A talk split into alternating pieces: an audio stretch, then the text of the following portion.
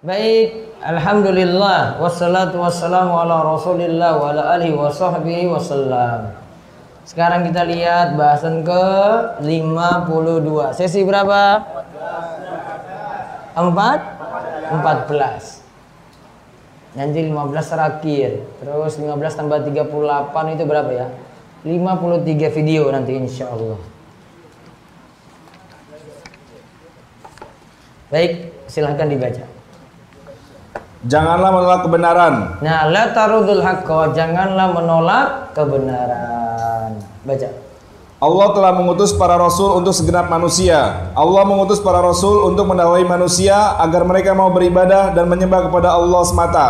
Akan tetapi, kebanyakan dari mereka mendustakan rasul-rasul utusan Allah itu. Mereka tolak kebenaran yang dibawanya, yaitu ketauhidan.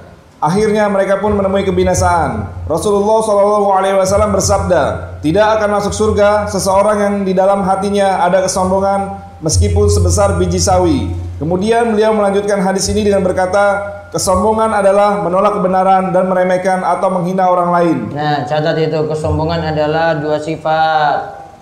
Batrul haq, menolak kebenaran. Yang kedua, ghamtun nas, meremehkan manusia. Sombong adalah apa? Menolak kebenaran dan meremehkan merendahkan manusia. dan meremehkan manusia. Dua itu. Kebenaran datang dari Al-Quran hadis terima padanya, taslim. Walaupun belum bisa amalkan dulu. Terima dulu. Jangan sampai protes nih, wah ini kok kayak begini, kayak gini, wah saya nggak percaya itu. Malah dosa.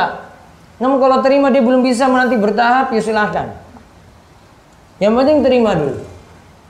Wagom nas meremehkan orang lain. Ada yang sampaikan kebenaran, wah kamu cuma bocah cilik saja mau sampaikan kebenaran untuk saya.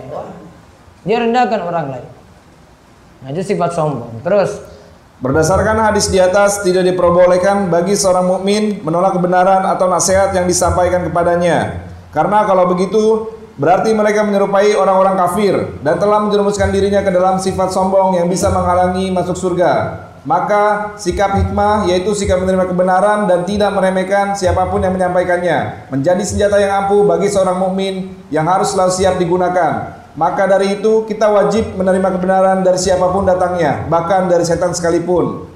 Tersebut dalam sebuah hadis bahwa Rasulullah SAW pernah menugasi Abu Hurairah sebagai penjaga Baitul Mal Suatu hari datanglah seorang pencuri hendak mengambil harta di Baitul Mal. Abu Hurairah mengetahuinya, lalu dia pun menangkap pencuri itu. Lihat, ini kisah Abu Hurairah tentang harta Baitul Mal.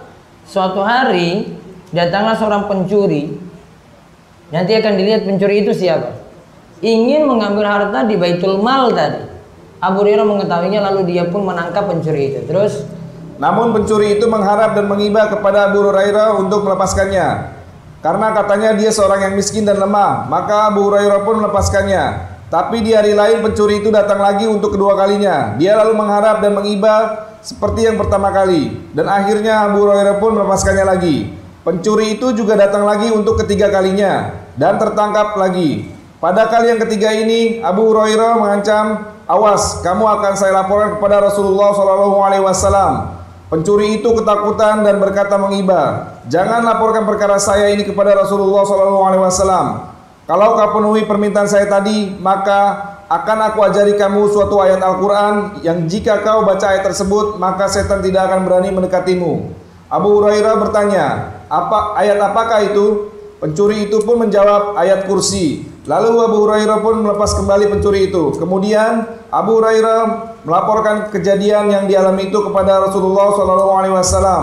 Lalu Rasulullah SAW bertanya kepadanya, Tahukah kamu siapa yang berbicara denganmu itu? Dia adalah setan. Ia telah berkata benar meskipun dia adalah pendusta. Hadis di atas diuraikan oleh Al Bukhari. Nah lihat, Rasulullah SAW ingin ajarkan, walaupun setan yang datang sampaikan kebenaran yaitu kalau sebelum tidur bacalah ayat kursi. Yang ngajarkan siapa? Setan. Setan ngajarkan kalau kamu baca ayat kursi, kamu tidak diganggu oleh setan. Iya kan? Iya. Yang ngajarkan siapa? Setan. Berarti boleh belajar sama setan? Tidak. Kok bisa? Coba dilihat hadisnya tadi. Boleh belajar sama setan? Kenapa nggak boleh?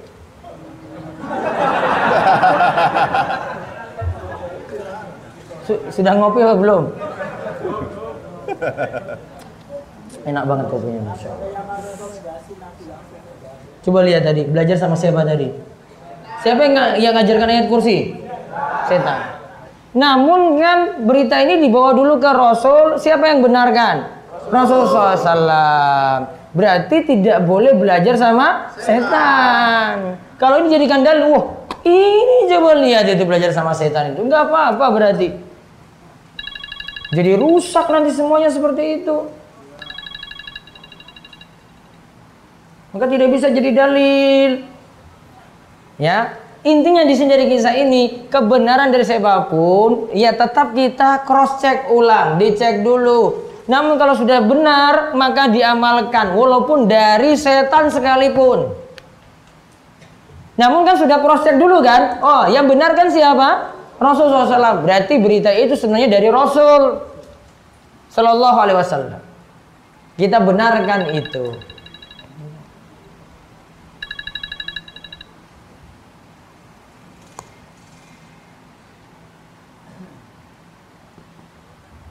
Ya, kita benarkan tadi. Nah, terus pelajaran yang penting dari sini ini sebenarnya kisah tentang baitul mal di sini tentang penyimpanan harta. Waktu itu ini membicarakan tentang zakat fitrah. Ya, zakat fitrah itu ingin diambil oleh pencuri tadi.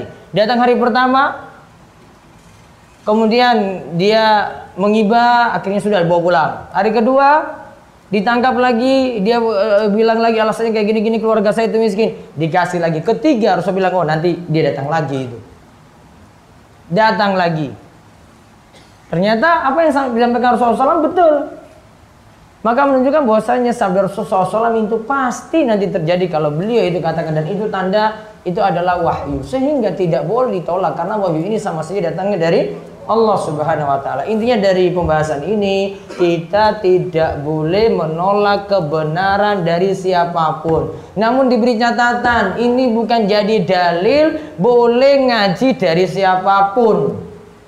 Boleh ngambil ilmu dari siapa pun. Karena tadi kan bisa cross check. Sekarang kalau kamu ambil ilmu dari orang sesat coba, mau cross checknya ke siapa?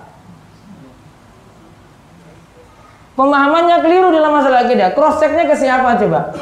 Rasul masih hidup. Ambil baiknya, ambil apa? Kaidahnya gimana? Ambil baiknya, buang buruknya. Iya, taruhlah itu kaidahmu itu sekarang. Mau seleksi yang buruk dari mana coba? Saya baru belajar ikra. Ayo, gimana coba? Seleksi dari mana? Rasul masih hidup. Tempat bertanya siapa kalau gitu? Kalau kayak begini bingungnya. Saya nanti seleksi aja yang baik buruknya nanti ambil baiknya buang buruknya. Ente imamnya siapa?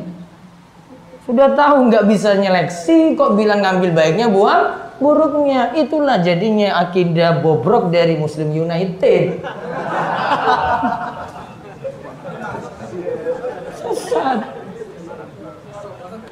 Iya kan? Itu kan kaidah mereka. Muslim United jadinya ah kok bahas lagi terus sampai bahas ke delete aja delete delete delete nah selonjor lima menit lagi nah.